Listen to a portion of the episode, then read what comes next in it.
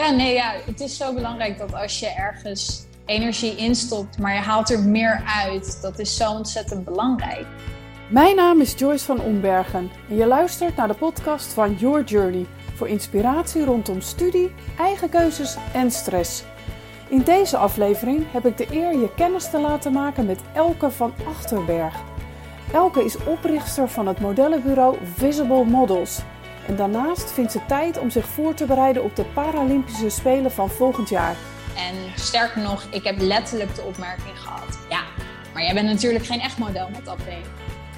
In ons openhartige gesprek vertelt Elke hoe ze na een ogenschijnlijk klein ongelukje op 11-jarige leeftijd, veel onbegrip en de ene medische missen naar de ander, uiteindelijk haar onderbeen is kwijtgeraakt.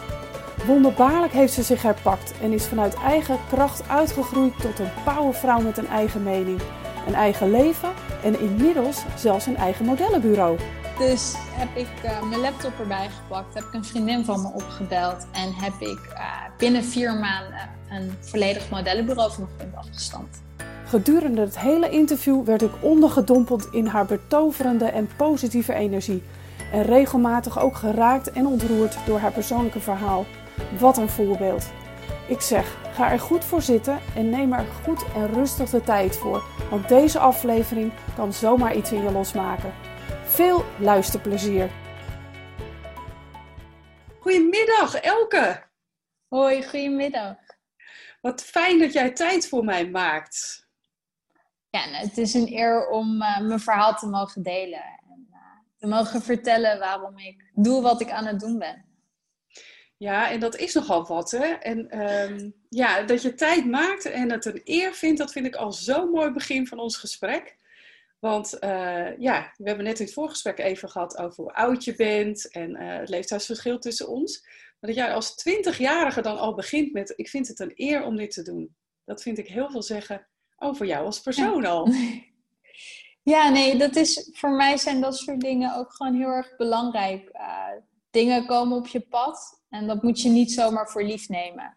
En uh, het feit dat ik mijn verhaal mag doen en dat mijn mensen mag delen, dat is gewoon al zoveel waard. En ik vind dat je dat volledig moet respecteren, dat mensen jou die ruimte geven. En dat Mooi. niet zomaar voor lief moet nemen. Nee. Nou ja, ik vind het heel prachtig. Ik herken het ook. Uh, hè, we hebben het in het voorgesprekje over gehad. Ik heb ook zo'n verhaal. Uh, hebben we allebei een, uh, een ja, fysieke beperking. die van mij is niet zichtbaar, die van jou wel. Ja. Ja, dus dat, daarin verschillen. Maar eigenlijk hebben we allebei een verhaal op dat vlak. En ik herken het dat het heel, ja, dat het een eer is om het te delen. En tegelijkertijd ja. is het ook een kwetsbaar verhaal, toch? Tenminste. Ja, ja het blijft nog steeds wel. Heel lastig uh, hoe ik het nou moet zien, omdat het voor mij eigenlijk altijd gewoon is geweest, ja, uh, dat heb ik meegemaakt en dat vertel ik gewoon. Totdat ik me realiseerde dat ik ook echt daadwerkelijk anderen ermee kon helpen. Um, en dat is heel erg mooi, maar je moet wel de ruimte krijgen om het te kunnen vertellen, om ook daadwerkelijk die andere mensen te kunnen helpen. En ik vind het gewoon heel erg belangrijk dat ja, met zoiets kleins, uh, als het delen van mijn verhaal, ik al andere mensen verder kan brengen. En ja, ik zeg ook altijd, ik kan mijn eigen verleden niet makkelijker maken, maar wel de toekomst voor anderen. En dat vind ik oh. gewoon heel erg belangrijk. En nou ja, daarin, uh, ja, als ik dat kan met het delen van mijn verhaal. Maar ja, het blijft altijd toch wel iets heel geks, want het is heel persoonlijk uh, wat je meemaakt. En ja, ik vind het heel erg belangrijk dat het ook niet een soort van standaard voorleesstukje uh, wordt. Uh, wat ik iedere keer hetzelfde vertel. En gelukkig is dat nog steeds niet zo. Um, ja, zegt mijn moeder altijd. Die zegt, ja, ik vind het zo knap hoe je het iedere keer weer echt puur vertelt. En niet ja. het opleest. Um, maar ja, het is natuurlijk wel... Uh, ja, eigenlijk leg ik heel mijn jeugd neer wanneer ik mijn verhaal vertel. En eigenlijk het meest kwetsbare stukje uit mijn jeugd. Ja, precies. Ja, en ja, en, en ja aan, wie, uh, aan wie doe je dat? Hè? Nu ben je met mij in gesprek, wat ik een hele eer vind. En ja, uh, ja je weet dat ik uh, het online platform Your Journey en de, de podcast ja, ben gestart Juist om jongeren te inspireren. Maar stiekem luisteren ook heel vaak ouders mee. Nou, niet stiekem hoor. Ja. Maar die worden net zo hard geïnspireerd. En ja. realiseer je dat ook, dat je ook uh, ja, dat je impact maakt op andermans leven. Hè? Hoe oud of hoe jong ook. dat is heel gek om het te realiseren, omdat ja, voor mij is het gewoon, ik deel mijn verhaal. Alleen dan wanneer je hoort van iemand van, wow, ik heb er echt wat aan. En niet alleen jongeren, het zijn vaak mensen die juist twee keer zo oud als mij zijn, die zeggen, ik ben zoveel ouder en nog steeds heb ik niet meegemaakt of ben ik nog steeds niet zo ver als dat jij bent. En dat ik denk, ja, hallo, ik leef gewoon mijn leven. Maar ja, dat is wel heel erg mooi. En nou, ik doe mijn verhaal ook vaak omdat ik zo jong ben voor mensen die ouder als mij zijn. Hmm. Ehm, ook bij grotere bedrijven en zo. Maar ook op scholen. Dus eigenlijk heel breed. En het is niet alleen iets wat één specifieke doelgroep aanspreekt. Maar juist heel veel mensen. Alleen als je dan realiseert dat sommige mensen hun leven echt uh, kan veranderen door de impact van jouw verhaal. Ik vind dat nog steeds heel onwerkelijk. Dat is gek, hè? Ja. Dat dat zo is. Maar fantastisch dat je het doet. Ja. Nou, luisteraars, Elke van Achterberg. Ja. Goedendag. Jo, fantastisch. In de house. Elke, yes. mag ik je dan vragen om ja, toch kort even te vertellen, kort, nee, zo kort en zo lang als jij wil. Wie is Elke van Achterberg? En hoe komt het dat wij over zo'n persoonlijk verhaal in gesprek gaan? Ja, uh, ik ben Elke. zo uh, simpel als dat het is. Ik uh, ben een jonge meid van 20. Doe op internationaal niveau aan rolstoelschermen. Um, en woon in Amsterdam. En uh, ik ben eigenlijk de afgelopen jaren heel erg op zoek geweest naar wie ben ik. Uh, en daarin heb ik ook heel veel anderen mogen helpen. In van hoe kun je nou echt jezelf zijn? Omdat ik gewoon heb gemerkt, jezelf durven zijn is zo ontzettend lastig. En dan komt er ook nog bij kijken, wie wil je zijn? Um, ja ja, en dat is iets waar ik heel erg naar op zoek ben geweest. En eigenlijk, als je mij vraagt wie is Elke, ja, dat ben ik. En ja, uh, ja ik ben heel erg blij dat ik dat nu kan zeggen. Dat ik nu ook echt mezelf kan zijn. En durf te zijn vooral. Ja, en daar is best wat voor nodig geweest, hè? Ja, ja. ja. Kun je, ja, en, en, en, zo mooi om te horen dat je op 20-jarige uh, leeftijd dan nu kan zeggen: Ik ben Elke. En punt. Er kwam geen komma. Ja, je vertelt hè, dat je uh, aan uh, rolstoelschermen doet. Uh, maar dat definieert jou niet. Jij bent Elke. Ja. ja. ja. En, en die zoektocht, ja, die is natuurlijk ergens begonnen. En helaas wel om een minder fijne reden. Ja. Kun, je, kun je ons daarmee naar terugnemen? Ja.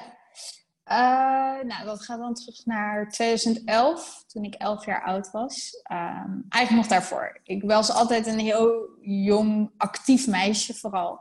Uh, ik deed selectieniveau turnen en ritmisch gym. Dus ik was altijd aan het sporten en het bewegen. En was ik niet aan het sporten, rende ik rondjes door de speeltuin. En klom ik in iedere boom die ik tegenkwam. En was ik door de modder aan het rollen en aan het voetballen met de jongens uit de straat. En ik was altijd druk en bezig. Um, ja, altijd actief. Um, en op een gegeven moment was ik toen ik elf was met mijn zusje boven op de kamer van mijn ouders aan het spelen. Mijn zusje zat ook op ritmisch gym, dus we waren een beetje onze oefeningen aan het oefenen. We maakten ja, handstanden, koprolls, uh, noem maar op. Uh, en op een gegeven moment maakte ik een koprol en ben ik verkeerd terechtgekomen. Heb mijn grote teen gebroken en daardoor is mijn zenuwstelsel beschadigd geraakt. Hmm. Waardoor ik uh, zenuwpijn kreeg, maar ook de spierfunctie in mijn linker onderbeen verloor. Um, ja, en uh, uiteindelijk nu, na vijf jaar, uh, is mijn been ook geamputeerd. En daartussenin is natuurlijk heel veel gebeurd, maar dat is eigenlijk hoe het is begonnen. Wauw. Met een koprol. Met een koprol, inderdaad. Spelend met je zusje op de kamer van je ouders. En in één keer werd het leven anders. Tenminste, ja, een ongeluk zit in een klein hoekje, klein hoekje, maar daar weet jij alles van. Exact, ja. Ik ging over een stoeptegeltje met een zoon op mijn heup. Ja. Maar jeetje, een koprol. Eigenlijk iets wat zo leuk en zo vanzelfsprekend en ook weer, hè, de meeste onschuldig gebeuren in huis, in en rond huis. Is bij jou dan ook bewezen, inderdaad, onschuldig. Hoe is dat verder gegaan? Want je zegt er is een ontsteking gekomen. Wat, wat gebeurt er dan? Want dat is ja, stapsgewijs. Een aantal jaren later is zelfs je been geamputeerd. Ja. Wat gebeurt er dan? Uh, nou, er is in eerste instantie werd er door de huisarts gezegd: je hebt gewoon een gebroken teen. Hm. Alleen wist ik al meteen dat dit wel meer als gewoon een breukje was. Ik heb wel eens mijn pols gebroken en ook al eerder meteen. En ja, goed, dat doet wel pijn, maar ik was altijd van, ja, kom op, opstaan door. Uh, en ik wist echt wel dat, dat, dat dit anders was. Maar goed, je neemt toch aan wat de dokter jou vertelt. Um, Achteraf ben ik erachter gekomen dat toen eigenlijk meteen in het begin de huisarts al tegen mijn ouders heeft gezegd: ze is jong, uh, waarschijnlijk doet ze dit puur om aandacht te krijgen. Oh, oké. Ehm, dat is eigenlijk vanaf begin af aan de insteek geweest van artsen. Um, nou, uiteindelijk uh, met een gebroken teen, die ze maar niet hielden, uh, op krukken door het leven. En uiteindelijk na um, drie maanden was het nog steeds niet over. Nou, vaak genoeg bij de huisarts geweest. Mm -hmm. En toen gleed ik met mijn krukken uit over een blaadje voor de deur van mijn oma. Uh, scheurde daarbij mijn enkelbanden. Uh, maar toen werd ook voor het eerst de diagnose uh, CRPS vastgesteld. Het complex regionaal pijnsyndroom. Tenminste, dat werd voor het eerst genoemd. Uh, geen uitleg wat het was. Dus mijn ouders op het internet zoeken. Nou, natuurlijk allemaal uh, verhalen dat het vrouwen yeah. voorkomt. En dat nou, uh, het een van de meest zeldzame aandoeningen in Nederland is. Noem maar op. Dus ja, dan word je toch een beetje bang. Ja. Um, uiteindelijk hebben ze mijn been in het gips gedaan. En dat werkt averechts bij CRPS. Dat kan het alleen maar erger maken. En vanaf dat moment kreeg ik echt een ondraaglijke pijn in mijn been. Um, waardoor ze uiteindelijk ook eerder het gips eraf hebben gehaald. Uh, en vanaf dat moment uh, was het eigenlijk gewoon foute boel. Ze hebben mijn voet, nou, zoals altijd, gewoon in 90 graden gegipst. Um, alleen zodra ze het gips eraf haalden, viel die meteen in een spitstand. Wat eigenlijk dus vrij duidelijk maakte dat mijn spierfunctie het gewoon niet meer deed. Nee. Um, en vanaf dat moment is het allemaal vrij snel gegaan. Maar eerst ben ik nog naar huis gestuurd met de opmerking: het zal allemaal wel meevallen trek maar gewoon een stevige bergschoen aan. En ja, ja, dan ja. komt het wel goed. Terwijl als je mijn voet ook maar heel lichtelijk aantikte, ging ja. door het plafond. Dacht jij al, laat maar zitten. Ja, ja, ja. Dus uh, s'avonds thuis, uh, krijsen van de pijn, niet kunnen slapen. Mijn vader naar het ziekenhuis bellen. Ja, jullie moeten iets doen. Ja, nee, uh, hier heb je wat pijn. Haal maar wat pijnstillers dan komen ze aanzetten met paracetamol en ibuprofen. denkt van, ja, alsof dat helpt. ja. ja. nee, dat gaat lekker helpen. Nou ja, ja. Een dag erna weer bellen van jongens, dit kan echt niet. Toen hebben we letterlijk de opmerking gekregen, je mag tot maandag niet meer bellen. En het was toen dinsdag. Dat meen je. Um, en op een gegeven moment, na een paar dagen dat het echt niet meer kon, heeft mijn vader me in de auto gezet, is naar het ziekenhuis gereden en heeft gezegd, ik neem er niet meer mee, totdat nee. jullie wat doen. Um, nou, toen nog steeds wilden ze niks doen. Ze zeiden, nou, je krukken blijven hier en je gaat maar gewoon lopen. Stel je niet zo aan. En daar was de verpleegster toen niet mee eens. Uh, en die mogen natuurlijk eigenlijk niks zeggen, maar die heeft er toen toch een neuroloog nee. bij gehaald. En toen hebben ze CRPS officieel gediagnosticeerd. Uh, en ben ik opgenomen in het ziekenhuis. Jeetje, um, En een week later lag ik in de Hoogstraat in het revalidatiecentrum op de kinderafdeling. Met de opmerking, over twaalf weken ren je weer naar buiten. Um, maar na twaalf weken ging ik naar de dokter en zei... Hallo, ik lig nog steeds 20 uur per dag in bed. Volgens mij is dit niet helemaal de bedoeling. Ik kan geen stap zetten. Wat is er aan de hand? Um, en nou, uiteindelijk na een half jaar interne revalidatie... hebben we besloten toen ik zou starten op de middelbare school... dat ik in dagbehandeling zou gaan. Maar nog steeds uh, waren twee stappen al te veel. Wat zul je aan pijn gehad hebben, Elke? Ongelooflijk. Ja, het was echt ondraaglijk. En op een gegeven moment leer je met pijn omgaan. Mm -hmm. Maar kom je ook op een moment dat iedere keer wanneer iemand vraagt hoe gaat het met je, je gewoon aan het liegen bent. Want het gaat nooit goed met je als je zoveel pijn moet doorstaan. Op zo'n jonge leeftijd. En er ook nog eens van alle kanten wordt gezegd dat je je aanstelt vanuit ja. ziekenhuizen. Bizar, en dat is echt, um, echt een hel geweest. Nou, de middelbare school was ook niet een makkelijke tijd. Uh, op het regulier onderwijs als enigste meisje in een rolstoel. Um, ja. ja. dat is uh, vragen om gepest te worden. En, Tja. Want je bent ja, anders. Je bent anders, inderdaad. En eigenlijk ja. nog steeds elke. Alleen, ja. ja, en door een, ja, toch wel een medische misser ook. Hè? Daar hebben we ook de herkenning. Ja. stel, je, tel je niet zo aan. Jij weet heel goed, Elke wist heel goed, wat het lijf van jou riep. De pijn, ondraaglijk. Dus luister naar mij. En dan ook nog op school dat allemaal moeten doormaken. En dan zit er zo'n stralende, en de luisteraars zien jou niet, maar zo'n prachtige vrouw tegenover me via Zoom. Met een heel, ja. heel fantastisch uh, mutsje op. Dank je en, ja, en kijk blij uit je ogen. Dan heb ik daar zoveel bewondering voor. Ja, dankjewel. Ja. Ja. het is geen makkelijke tijd geweest. En als ik er nu op terugkijk, weet ik ook niet hoe ik dat heb gedaan nou, uiteindelijk dus op de middelbare school ben ik echt flink gepest. En dat begint puur met schelden. Uh, opmerkingen als, hey kutrolstoeler, wat doe je hier? En dat is dan mild gezegd, zoals ik het nu zeg. Uh, opmerkingen als, wat doe je hier? Ga naar je eigen gehandicapte schooltje. Er in geen één manier bij horen. Maar uiteindelijk ging dit ook over in fysiek pesten. Uh, dat werd geslagen, de wielen werden uit mijn rolstoel getrokken. Ik werd bewust op mijn rug gelegd. Niemand die me hielp. Iedereen lachte me puur uit. En omdat er altijd zo lacherig over gedaan werd, uh, dacht ik, het zal wel aan mij liggen. Ze bedoelt het als een grapje, ze bedoelen het niet fout. Uh, daardoor heel veel moeite gehad om het ook daadwerkelijk aan te geven. Um, en ben in die tijd ook echt in een zware depressie gekomen. Ja. Maar op een leeftijd dat ik het woord depressief niet kende. Ik was nee. 12, 13. Je kent dat woord niet. En nou, op een gegeven moment ook een punt dat ik dagelijks dacht: waarom ben ik hier nog? En uh, uiteindelijk ook zover was dat de brief voor mijn ouders ook klaar lag. En ik er bijna een einde aan heb gemaakt. Um, ja, elke... Maar op dat moment wist ik: dit moet anders. En het ligt niet aan mij. Ik weet dat ik me niet aanstel. Uh, dat kan iedereen zeggen. Maar ik ga nu naar mezelf luisteren. En uh, ben toen iets gaan doen wat ik leuk vond. En niet wat ik moest van artsen, docenten of mijn ouders. En toen ben ik gaan schermen. Fantastisch. Ja. Ik zit hier natuurlijk met drie lagen kippenvel. Uh, uh, ja, van hoe, hoe ja, eerlijk en rauw jouw verhaal is. En je zegt de brief lag al klaar. En toen koos ik voor mezelf. Wat was het moment waarop je dacht, ja maar wacht, hou even. Ja, dit, ik dit gaan we niet doen. Dit gaan we niet nee, doen. Dat is eigenlijk heel gek gegaan. Ik, nou, ik weet niet eens hoe ik van plan was het te doen. Want nou ja, het was ook een tijd waarin er niet veel gesproken werd over depressie en zelfmoord. Ehm, wat nu wel zo is. Ik denk dat tegenwoordig ieder kind van 12 gewoon weet wat het betekent. Uh, wat naar mijn mening ook niet heel gezond is.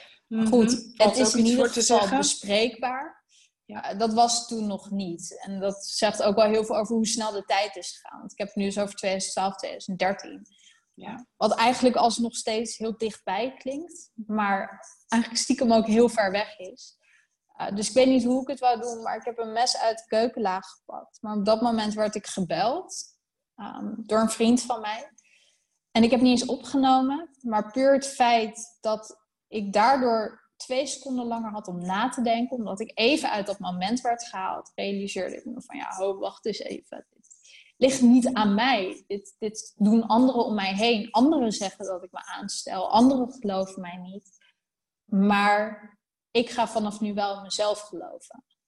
En uh, ja, dat is ja, ontzettend lastig om dat dan ook te doen. Maar puur doordat ik twee seconden uit dat moment werd gehaald, uh, zit ik hier nu. Ongelooflijk. En door een vriend. Ja, en hij weet dat zelf niet. Uh, nee. Nou, ik heb ook geen contact meer. Maar ja, puur het feit dat ik er gewoon even uitgehaald. Zoiets kleins kan dus Zoiets kleins en kan dus zo'n groot effect hebben. Ja. Ja, en ik denk dat de luisteraars nu ook uh, waarschijnlijk stil met kippenvel zitten te luisteren naar jou. En zich ook realiseren dat wat je aan het begin vertelt, dat je dus zo'n impact op iemands leven kunt hebben. Die vriend heeft op dat moment ja. jou gebeld en het verschil gemaakt zonder dat hij door had. Ja. dat jij jouw verhaal nu doet, ja, en dat doe je al een tijdje, maak je zo'n verschil in andermans leven. Hoe ontzettend bijzonder. En wat een respect heb ik voor jou, dame. Ongelooflijk. Ja. Want dat is niet wel eenvoudig. En uh, nou ja, we hadden al over dat we wat herkenning hebben. Maar ik was 34 toen ik uh, mijn ongeval had. Dan ben je echt al veel ouder en wijzer. En kun je bewust kiezen. Ik had al kinderen die mij er uh, positief uithielden. Ook van ja. momentjes van, pff, nou, ik zie het even niet zitten. En dan kwam mijn kind met een tekening. Hoi mam. En dan dacht ik, oh, gaat alweer? Maar jij ja. was gewoon zo jong. En ja. nog steeds, je, je, bent hartstikke jong nog en zo volwassen en wijs al. Maar ja, qua ja. leeftijd, hè, ja, hoor jij gewoon hier ja. over, nog helemaal niet ja, te horen vertellen. Maar het gebeurt wel. Het gebeurt wel. En uh, daarom, zoals ik zei, het is belangrijk dat het bespreekbaar wordt gemaakt. Uh, ik denk alleen dat het vaak helaas nog niet op de goede manier gebeurt. Um, maar ja, het is iets waar ook helaas heel veel jongeren mee kampen, door wat voor redenen dan ook. En in die tijd, uh, ik heb me nog nooit zo eenzaam gevoeld als toen. En dat kwam, ik kon mijn verhaal niet kwijt bij, voor mijn gevoel niet kwijt bij docenten. Ik heb het wel eens aangegeven en toen werd er gezegd, het zal wel meevallen over pesten. Um, en nou ja, goed, mijn ouders hebben natuurlijk, zijn er altijd voor me geweest. Maar op dat moment voelde het niet alsof zij mij konden helpen. Nee. Um, tuurlijk luisterden zij ook naar artsen. En ik wil niet zeggen dat ze ooit getwijfeld hebben aan mij. Maar goed, als een arts jou altijd vertelt, je kind stelt ja. zich aan. Ga ja. je s'nachts een keer toch dat been aanraken. Ja. En op het moment dat ik toen s'nachts krijzend wakker werd, ja, dat is op dat moment dacht ik toen, zelfs mijn ouders geloven me niet meer. En nu ik ouder ben en erop terugkijk, weet ik dat dat niet het geval was. En snap, ik zou waarschijnlijk hetzelfde hebben gedaan. Ja. Um, maar op dat moment stond ik er echt alleen voor. Ja. En uh, dat, dat is niet makkelijk. Um, nee, want nee. dat hele proces en, en ja, ik zeg wel eens, weet je, uh, je komt alleen en je gaat alleen. En dit soort processen, weet je, ook al eh, de mensen die zoveel van je houden en zoveel voor je eigenlijk weg willen nemen van de pijn, het verdriet en al ja. dat. Uiteindelijk is het jouw pijn, jouw verdriet, jouw ja. ja gevecht uh, rondom uh, ja, er, er, bovenop proberen te komen. Ja. En waar, waar heb jij um, ja, het meeste uh, kracht uit gehaald? Want uit jezelf, nou dat is natuurlijk al enorm geweldig op zo'n jonge leeftijd. Maar ben je gelovig of zijn er dingen waarvan je zegt, nou, dat heeft me nou echt enorm geholpen. Ja, door dingen te gaan doen of nou ja, ergens in te geloven. Wat was het, Elke? Nou, ik ben niet gelovig uh, opgegroeid. Um, dus het is op dat moment echt vanuit mezelf gekomen. Um, maar ik ben vanaf het moment dat ik me realiseerde dat ik eigenlijk heel mijn leven leidde naar hoe anderen dat voor mij hadden bedacht.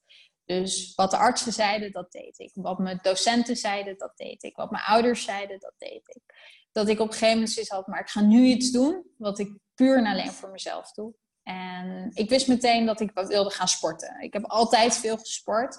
En dat is op de een van, ja, van de een op de andere dag voor mij weggevallen. Um, dus toen ben ik gaan schermen. Ja. En uh, ja, dat heeft mij uiteindelijk, dat heeft ervoor gezorgd dat ik het aankon. Het maakte het uiteindelijk geen seconde makkelijker, want ik had nog steeds te maken met het pesten en de roddels op school. En nog steeds de artsen die me niet geloofden. En nog steeds moest ik alles in mijn eentje doen. Maar het feit dat ik dat ene uurtje in de week kon schermen, dat, dat hield, ja, daardoor hield ik het vol om de hele week tegen dat, al dat andere te moeten vechten. En uh, dat heeft er uiteindelijk voor gezorgd dat ik het uh, nou ja, nog een aantal jaar heb kunnen volhouden op die manier. Ja. En dat vechten is best wel symbolisch. Tenminste, zo kijk ik er wel een beetje naar. Ja, letterlijk van je afvechten wellicht.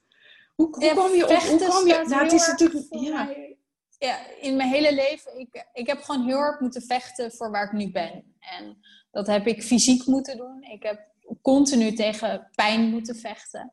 Maar ik heb ook tegen artsen moeten vechten. Ik heb moeten vechten tegen degene die mij pesten op school. Tegen mijn eigen gedachten moeten vechten. Want ja, dat is ook ja. een strijd. Daarnaast doe ik schermen, vechtsport. Ja, en, vechtsport. Uh, ik heb uiteindelijk ook het woord fight op mijn ja, arm ik zie het op je arm. Ja, ik zie het prachtig. iets is wat gewoon heel erg symbool staat voor mij. Uh, ik heb echt gevochten waarvoor ik nu ben. En nog steeds uh, heb ik daaruit de kracht gehaald om voor alles wat ik wil bereiken in het leven te kunnen blijven vechten. Ja. En dat doe ik dus nog steeds. Ehm, en dat brengt me uiteindelijk waar ik nu ben. En dat is echt niet altijd makkelijk en echt niet altijd leuk. Maar ik weet hoe ver ik gekomen ben en hoeveel verder ik daarom ook nog ga komen. Ja, en, en echt, nou, luisteraars, we zijn nog maar het begin van jouw verhaal. Want ja. uh, ongelooflijk wat er daarna al is gebeurd. Want jij bent gaan schermen. Ja. En ja, dat, dat ging niet zomaar. Ik bedoel, je bent echt op een heel hoog niveau gaan schermen. Vertel. Ja, nou, ik schermde een half jaar en toen werd ik uitgenodigd voor de Open Duitse kampioenschappen. En toen dacht ik, ja, hallo, ik ben helemaal niet goed hier en ik doe dit pas net. Maar hè, ik ben er nooit in Berlijn geweest, lijkt me wel leuk. Leuke eh, stad. leuk. Mijn moeder dacht, nou, leuk citytripje Berlijn. Waarom niet? Gewoon even een dagje schermen. Ehm, en toen werd ik ineens derde en was ik het beste mm. meisje. En toen dacht ik, hé, hey, hey. misschien heb ik hier toch wel ergens talent voor. En wil ik hier goed in worden.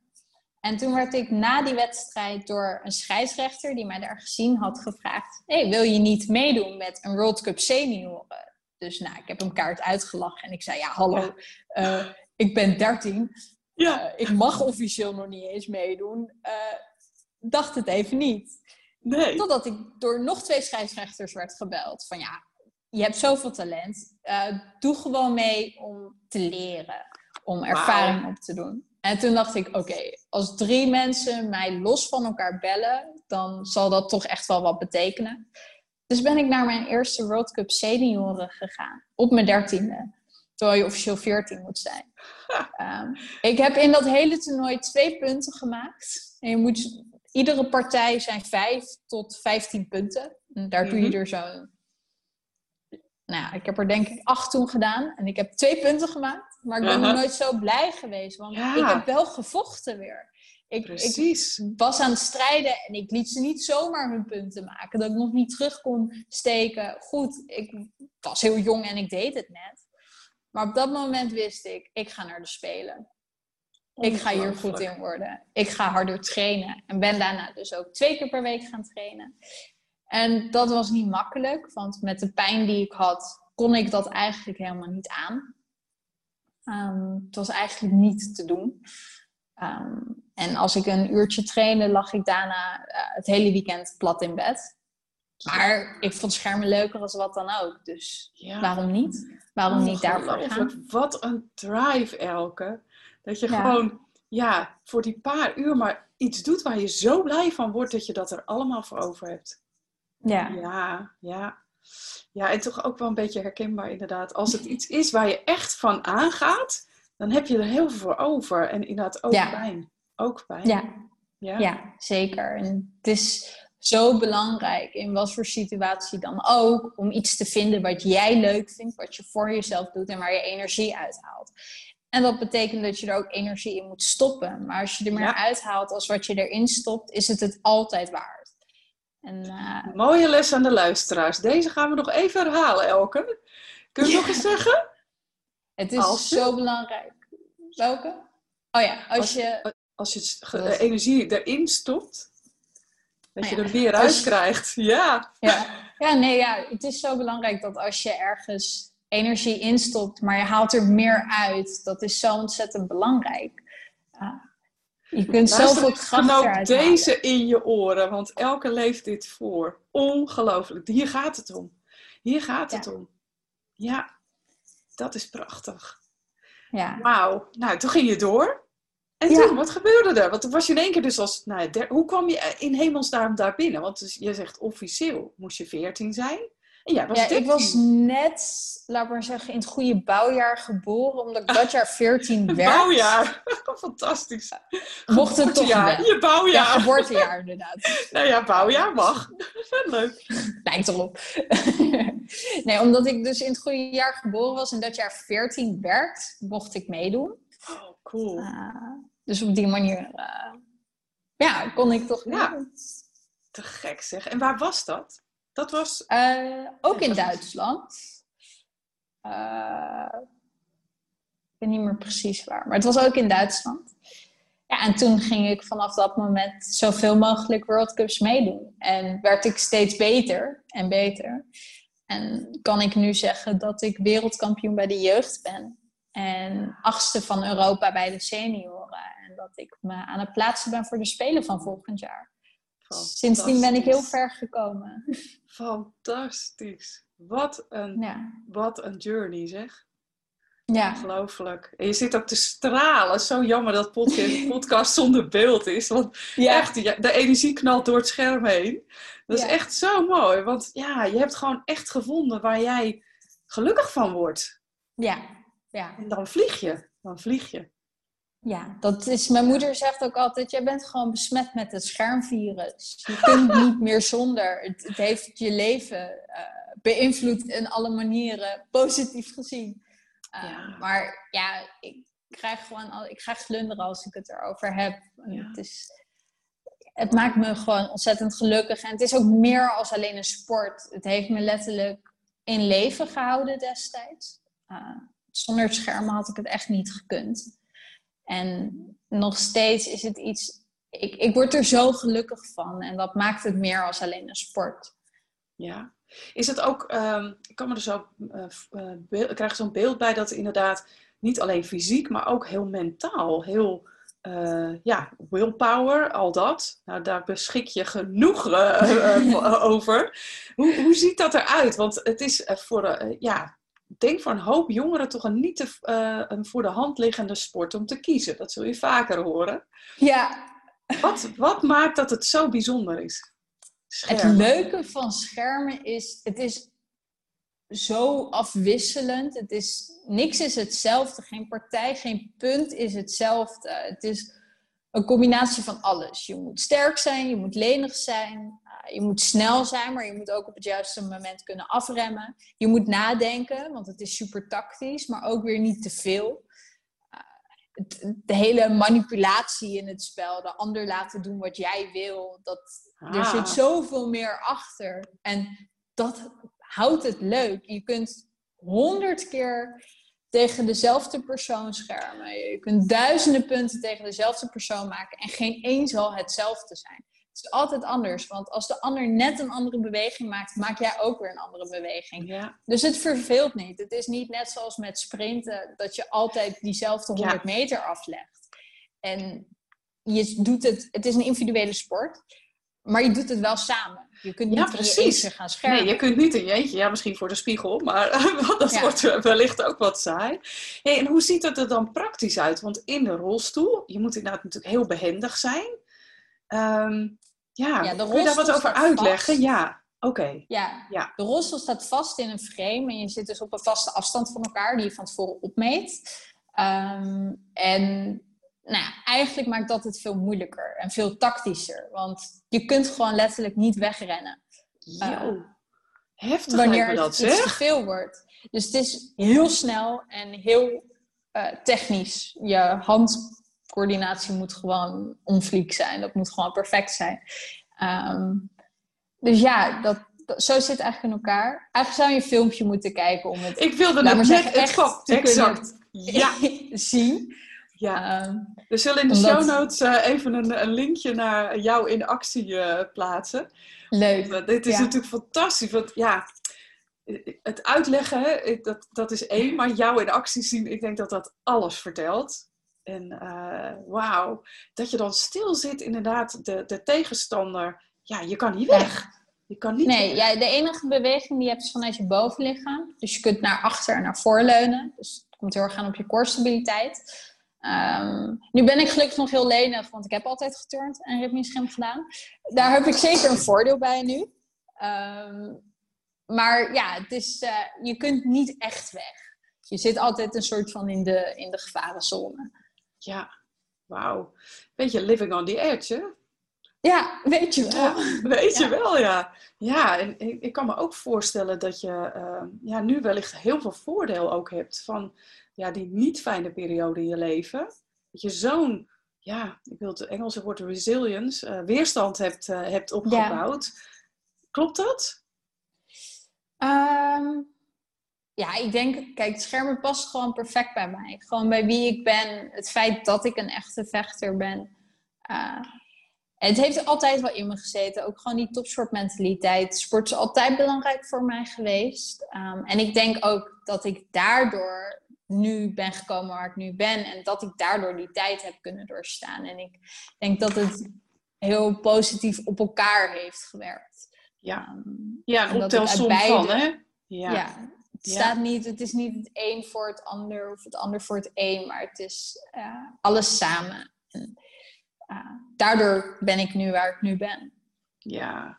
ja, dat heb je echt puur en alleen aan jezelf te danken. Ongelooflijk. Respect. Wauw. Ja, ik ben echt onder indruk van je verhaal. Echt. En het is nog niet klaar, luisteraars, want ze is nog zoveel mooie andere dingen aan het doen. Want Elke, vertel eens, wat je naast dat jij uh, nou ja, volgend jaar voor de Spelen, uh, nou ja, je aan het voorbereiden bent voor de Spelen van volgend jaar, ben je nog iets anders gestart? Want ja, ach, je had misschien nog een uurtje hier en daar over. Hoe zit dat? corona kwam en ik kon niet meer sporten. Um, ah. Dus ben ik mijn eigen modellenbureau gestart. En dat speelt in mijn hoofd al veel langer als corona. Uh, maar ik had nu een keer de tijd. Um, ja. Dus heb ik uh, mijn laptop erbij gepakt, heb ik een vriendin van me opgebeld en heb ik uh, binnen vier maanden een volledig modellenbureau van de grond af. Ongelooflijk. Te gek. Dus ook weer van zoiets. Corona, hè? toch voor de meesten. Niet een hele positieve wending. Ja hoor, elke maakt er weer iets moois van. Ja. Geweldig zeg. hey, een modellenbureau. Ja, Visible Models. Yes. Mooie naam, heel mooi. Waar kwam dat vandaan? Want je zei, ja, ik liep er eigenlijk al een tijdje mee rond. Wat heeft dat getriggerd om een modellenbureau te starten? Ja, ik ben um, uiteindelijk dus in 2015 geamputeerd. En na mijn amputatie ben ik um, nou ja, in contact gekomen met de modewereld. En ben ik zelf eerst als model gaan werken.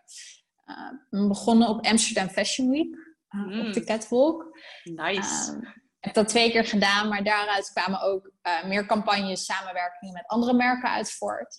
Um, en heb echt met super toffe merken samen mogen werken. Met de Bijenkorf, met L'Oréal heb ik een campagne in Istanbul gedaan.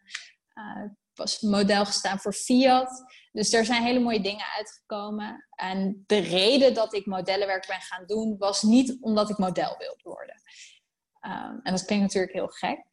Maar dat nou, kwam. Niet. Leg eens uit. ja, het kwam als ik naar tv keek, naar, of naar een modeshow of in de tijdschriften, zag ik niemand in een rolstoel met een prothese op krukken, met littekens. Je zag alleen maar de perfecte plaatjes van lange, dunne meiden, het liefst wit. Um, ja. En dat was het. En al heel snel wist ik van ja, hallo, uh, dit is helemaal geen representatieve weerspiegeling van de maatschappij. Want het is een feit dat een tiende Nederlander te maken heeft met een lichamelijke beperking. En dat is echt heel veel. En dus niet allemaal even zichtbaar. Alsnog zijn er heel veel. En het gaat ook niet om de zichtbaarheid. Maar het gaat erom dat ook, nou ja, ik wil het niet een groep noemen, maar wel deze groep ook gerepresenteerd wordt. En dat gebeurt niet.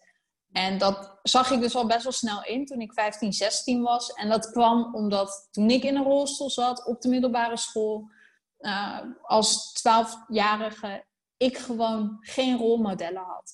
Ja, ik uh, had dan misschien wel een actrice op wie ik een beetje leek. Maar alsnog kon ik mezelf nooit vergelijken. Want ja, die rolstoel maakte mij zo ja, anders. Niet in mijn ogen, maar wel die van anderen. En ik had nooit dat ik dacht van... hé, hey, zo ben ik ook. En ik vond het heel erg belangrijk dat dat dus voor anderen wel zou creëren. En dat is weer een stukje waarbij ik denk van ja, ik heb het niet gehad en dat kan ik niet veranderen voor mezelf. Maar wel voor andere jonge, jongens en meiden die door hetzelfde heen gaan. Want helaas gaan heel veel jongeren door dit heen. Ja. En nou ja, daarom ben ik begonnen met modellenwerk. Um, ja. Maar ik kwam er al heel snel achter dat dit een ontzettend oneerlijk wereldje was. Wereldjes, ja, ja, ja. Ik ken de verhalen ook. Ja, ik ken de verhalen ook. Toevallig ken ik ook een modellenbureau waar het allemaal heel goed geregeld is. Hè, waar jongeren ook uh, begeleiding krijgen qua voeding, qua trainen, qua nou ja, echt opkomen voor de, de, de rechten van het model. Ja. En volgens mij hou jij je daar ook goed mee bezig. Hè? Want ik heb ergens gelezen uh, dat jij, uh, en ik weet niet of jij het zei, maar in ieder geval dat nou ja, een, een beetje model kan zo een paar honderd euro per dag verdienen. En ja. was jij dat die zei van nou, dan krijg ik een cadeaubon? Of degene met een... Ja, eh, dat was ja, hè? Ja, dat was ik heb regelmatig shoots gedaan voor bladenmerken waarbij ik naast een model stond met twee benen. Die zo een paar honderd euro kreeg. En ik kreeg een cadeaubon van 20 euro. En sterker nog, ik heb letterlijk de opmerking gehad. Ja, maar jij bent natuurlijk geen echt model met dat been. Wow. En dat was voor mij echt een realisatie. Terwijl ik heb zoiets. Het is veel makkelijker om een chick op twee benen te vinden als iemand met één been. Die dan dat ook lijkt me toch wel. Dit wil doen. Ja. Um, dus Jij moet eigenlijk, extra betaald worden. Als je het goed beschouwt. Want eh, ja, eh, als ik je mag bijvallen daarin. Het is inderdaad, vind maar eens iemand die dat wil doen. En twee, het kan ook vaak veel vermoeiender zijn. Want modellenwerk is ook vaak heel veel wachten. En ja, als jij pijn hebt of hè, door je beperking uh, ja, uh, minder makkelijk mobiel of wat dan ook. Ik kan me voorstellen, uh, als ik alleen naar mezelf kijk, dan zou dat veel vermoeiender zijn dan iemand die gewoon hup, even snel omkleedt en nou ja, waar alles gewoon functioneert. Dus eigenlijk en is het omgekeerd. Een, en daarnaast krijgt een merk ook twee keer zoveel aandacht wanneer ze tenminste op dit moment wel iemand gebruiken met bijvoorbeeld een prothese. Omdat we nu heel erg op zoek zijn naar diversiteit. Ehm, dus eigenlijk zou het in alle kanten omgekeerd moeten zijn. Alleen op dat moment dacht ik, ja hallo, ik kap ermee. Ik ga dit niet doen. Ik heb hier geen zin in. Ik ga me meer focussen op andere media dan de modewereld. Maar toen dacht ik, na een paar maanden later, ja, maar Elke, dat is helemaal niet slim, want dan zien we helemaal niemand meer op tv of in de media, uh, in de mode-industrie. Omdat er gewoon echt in Nederland heel weinig mensen vindbaar zijn die dit doen ja. Uh, online. Het is, uh, je hebt wel hier en daar een modellenbureau die voor diversiteit staat, maar toch zie je dat er een enorm gebrek is aan lichamelijke beperkingen. Nou, je ziet steeds meer modellen met Down-syndroom. Ehm, ja. En je ziet steeds meer modellen met huidafwijkingen. Maar als het daadwerkelijk gaat om modellen in een rolstoel ehm, mhm. of andere beperkingen, uh, wat ook gewoon kan zijn um, iets zoals een schouderprothese waardoor je alleen littekens hebt, dat aanbod is er eigenlijk niet. Nee. en daarom nou, dacht ik, oké, dan ga ik toch nog wel modellenwerk doen, maar alleen klussen waar ik of duizend procent achter sta, of waar ik gewoon goed betaald voor krijg. Ja. Ehm, ik ben toen eigenlijk heel zakelijk geworden. Ik ben overal gaan vragen, ja, maar wat is het budget? Ik ben overal gaan kijken, kan ik niet meer krijgen? Heel goed. Um, heel maar toen dacht ik ook, ja, heel leuk. Ik kan wel in mijn eentje overal gaan staan. Maar dan word ik op een gegeven moment dat meisje zonder been. En dat is het laatste. Laatste wat, je wilt. Dat Want ik ben gewoon heel. Goed. Ja. En daar, dat wilde ik echt voorkomen. Dus toen is het idee in mijn hoofd gaan spelen: moet ik dan niet een modellenbureau starten? Uh, maar toen eerst had ik het gevoel van: ik ben er nog niet klaar voor. Ik ben nog heel jong. Ik ben nog heel erg zoekende: wat wil ik nou met studie en sporten en hoe moet ik alles combineren? En toen ik er eenmaal klaar voor was, dacht ik: ja, hallo, maar deze hele maatschappij en deze industrie is er nog niet klaar voor. En toen tijdens corona, toen. Uh, deed ik weer een fotoshoot. En op dat moment realiseerde ik me van ja, maar nu is het moment. Merken zijn nu op zoek. Ik moet dit nu doen en geen seconde later. en toen heb ik voor mezelf een deadline van vier maanden gesteld. En uh, ja, heb dus een vriendin van me opgebeld. En heb gezegd, yo, Ella, denk je dat dit realistisch is? En zei ze, let's go. En oh, zij heeft mij ook heel erg geholpen. Zij heeft alle foto's tot nu toe gemaakt. En nou ja, ook meegedacht met hoe gaan we dit aanpakken. En uh, heb een ander vriendinnetje van mij gebeld. Die heeft tijdens de shoots de styling gedaan. En die heeft geholpen op de set. En uh, nou, eigenlijk met z'n drieën hebben we er nu uh, zes modellen gefotografeerd. Die ik heb benaderd via Instagram allemaal. Oh, sommige kende ik al, sommige nog niet. Leven social media. ja. En uh, nou, op die manier hebben we nu de eerste zes modellen online staan. En ben ik momenteel een shoot aan het plannen voor de volgende vier modellen. Ehm, en ja, gaat het dus eigenlijk. Ja, de eerste reacties zijn echt fantastisch. Ja. Had ik nooit mogen durven dromen dat het zo zou uitpakken. Ik dacht echt, nou, dan gooi ik die Instagram online en dan heb ik na vier weken 60 volgers. En ik heb nu binnen vier weken bijna 600 volgers. Kijk, dus dat is ja, echt, ja, uh, ja, dat is tienvoudige. Fantastisch zeg. Ja. en ik heb jou ontdekt door uh, dat je op het, uh, het, platform van Eva Jinek stond.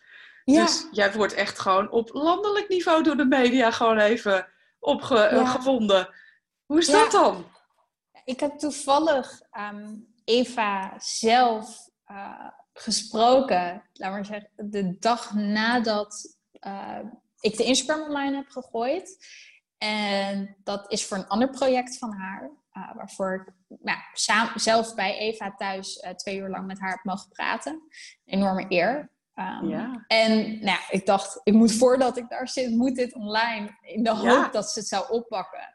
Ja. En dat heeft ze zeker gedaan. Ze heeft ja, diezelfde week uh, heb ik dus een interview gehad voor op haar platform. En ik ben heel blij dat ik daar mijn verhaal heb mogen delen. Omdat gewoon heel veel uh, ja, mensen uit de doelgroep die ik wil aanspreken, daar, dat lezen. Ja. ja. Um, ja, en het is meer als gewoon een bedrijf wat ik heb opgezet. We, ik heb echt een enorm doel erachter. En het is tegelijkertijd ook echt een gevecht die ik aanga binnen deze industrie. En dat ik dat verhaal mag delen, uh, is echt ja, super cool. ja, super cool. Niet, echt iets anders ervan maken. Ja, het is echt wel een, een, een ja, weet je, van zo'n ja, verhaal, jouw verhaal, zo'n, voor de luisteraars zeker, denk ik, een successtory weten maken. Ja. Ongelooflijk. Ja, en het was ook respect. heel leuk. Dankjewel. Het was ook heel leuk om een keer een interview te doen wat niet ging over waarom ben je je been kwijtgeraakt. Ja. Ja. Um, maar echt over mij en mijn doel en wat ik doe met mijn leven. En uh, toen ik het teruglas, dacht ik ook echt van wauw, het is ja. een keer wat anders. Want ik heb zoveel dezelfde interviews gedaan. Um, dat ik echt dacht van, ja, dit vind, ja. Ik, dit vind ik nou leuk. Ik vind dit leuk om over te praten. En ik vind het niet erg om een verhaal te doen, totaal niet. Uh, maar het is ook wel eens leuk om ook over wat anders te praten als alleen hoe ben je been kwijtgeraakt? En, Precies. Uh, en, waarom en scherm je? Ja, over je verleden. En natuurlijk, hè, het scherm is er nog steeds. Maar ja. zeker naar de toekomst. Want jouw toekomst ja. is nog heel lang mogen we hopen. Dus ja. hoe fantastisch is dat? Ja. ja. Oh ja, ik, ik zie dat ook. Sorry. Voor me dat je vanaf nu gewoon veel meer interviews gaat geven over je toekomst.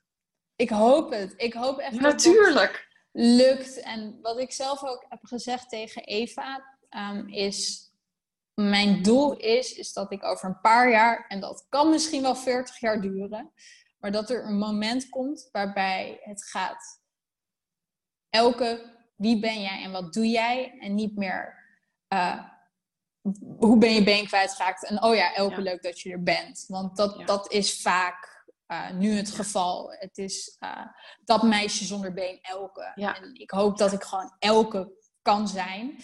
Ja, um, en waar je en, voor staat. Ja. ja, waar ik voor sta. En gewoon verder als alleen um, het zielige verhaaltje dat mensen willen. Wat ik niet heb in mijn ogen. Nee, Tuurlijk, nee, heel heftig zeker niet. ik heb Ja, maar je bent geen maar, slachtoffer. Je draagt, nee. draag je nul als slachtoffer.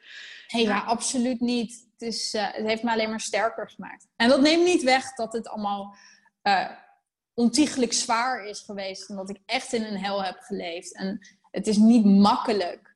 En die zwaarte daarvan moet er ook niet afgehaald worden.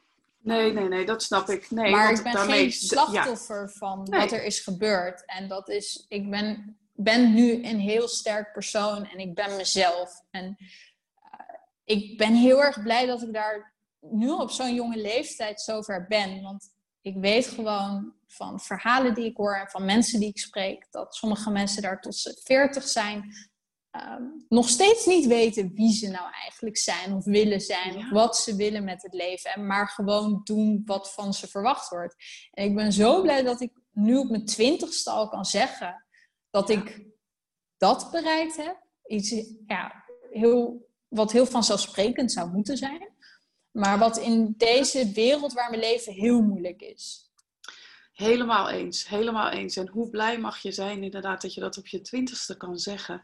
En met jouw verhaal hè, uh, ja, mensenlevens mag aanraken, waardoor misschien anderen denken, hé, hey, wacht eens even, misschien mag ik ook eens eerder gaan nadenken over wie ben ik nou eigenlijk? En ja. ja, ik werk natuurlijk veel met jongeren, dus ik zeg ook altijd van nou, ik ben over een stoeptegeltje gevallen, hè? ook zo'n uh, onbewaakt ogenblik. Uh, ja, ehm, laat die stoeptegel er niet voor nodig zijn uh, om te kijken naar wat je echt wil in het leven. Wie ben je? Waar word je blij van? En uh, ja, bij jou was het een, eh, een koprol in de, hè, met je zus in de slaapkamer van je ouders, die het, je leven totaal veranderde. En dan uh, nu zo sterk eruit komen. Echt. Ja. Ik zeg, ik neem mijn hoedje voor je af, maar ik heb er geen reden op. Jij wel. ja, ja, je mag je mutsje zelf uh, voor jezelf afnemen. Ja, ik word gewoon heel blij van dat je, dat je daar zo uh, de kracht uit, uit jezelf hebt weten te halen. Ja. En, uh, nou, wat ik altijd zelf zeg, ook als ik presentaties geef op bijvoorbeeld scholen, is... Het leven is net een kleurplaat. De tekening staat er en daar kun je niks aan veranderen. Maar jij hebt de kleurtjes in handen. En je kunt, hoe stom die tekening ook is, je kunt hem helemaal zwart tekenen maar je kunt er ook voor kiezen om het alle kleuren van de regenboog te geven. En tuurlijk heeft die zwarte lijnen nodig, want het moet wel duidelijk blijven, maar uiteindelijk kies jij ervoor welke kleuren jij het geeft. En die gedachte, dat brengt mij elke dag weer verder. Uh, iedere keer wanneer iets moeilijk is, uh, moeizaam gaat, denk ik van ja, maar denk verder. Uh, wat kun je hier wel uithalen? En dat brengt mij heel erg ver. En ik hoop dat die gedachtegang ook anderen kan helpen. Om te denken van, hé, hey, maar het is mijn leven. En ik heb hier de controle over. En niemand anders. Wauw. Hier heb ik niks aan toe te voegen. Dankjewel Elke. Wat een prachtig gesprek. Ja. Dankjewel. Hiermee kom ik aan het eind van deze aflevering. Je kunt Elke volgen op Instagram via Visible Models en Elke Lale. En dat is E-L-K-E-L-A-L-E. -E. Ze heeft ook een eigen website, elkevanachtenberg.nl. Daar lees je alles over haar verhaal en haar journey.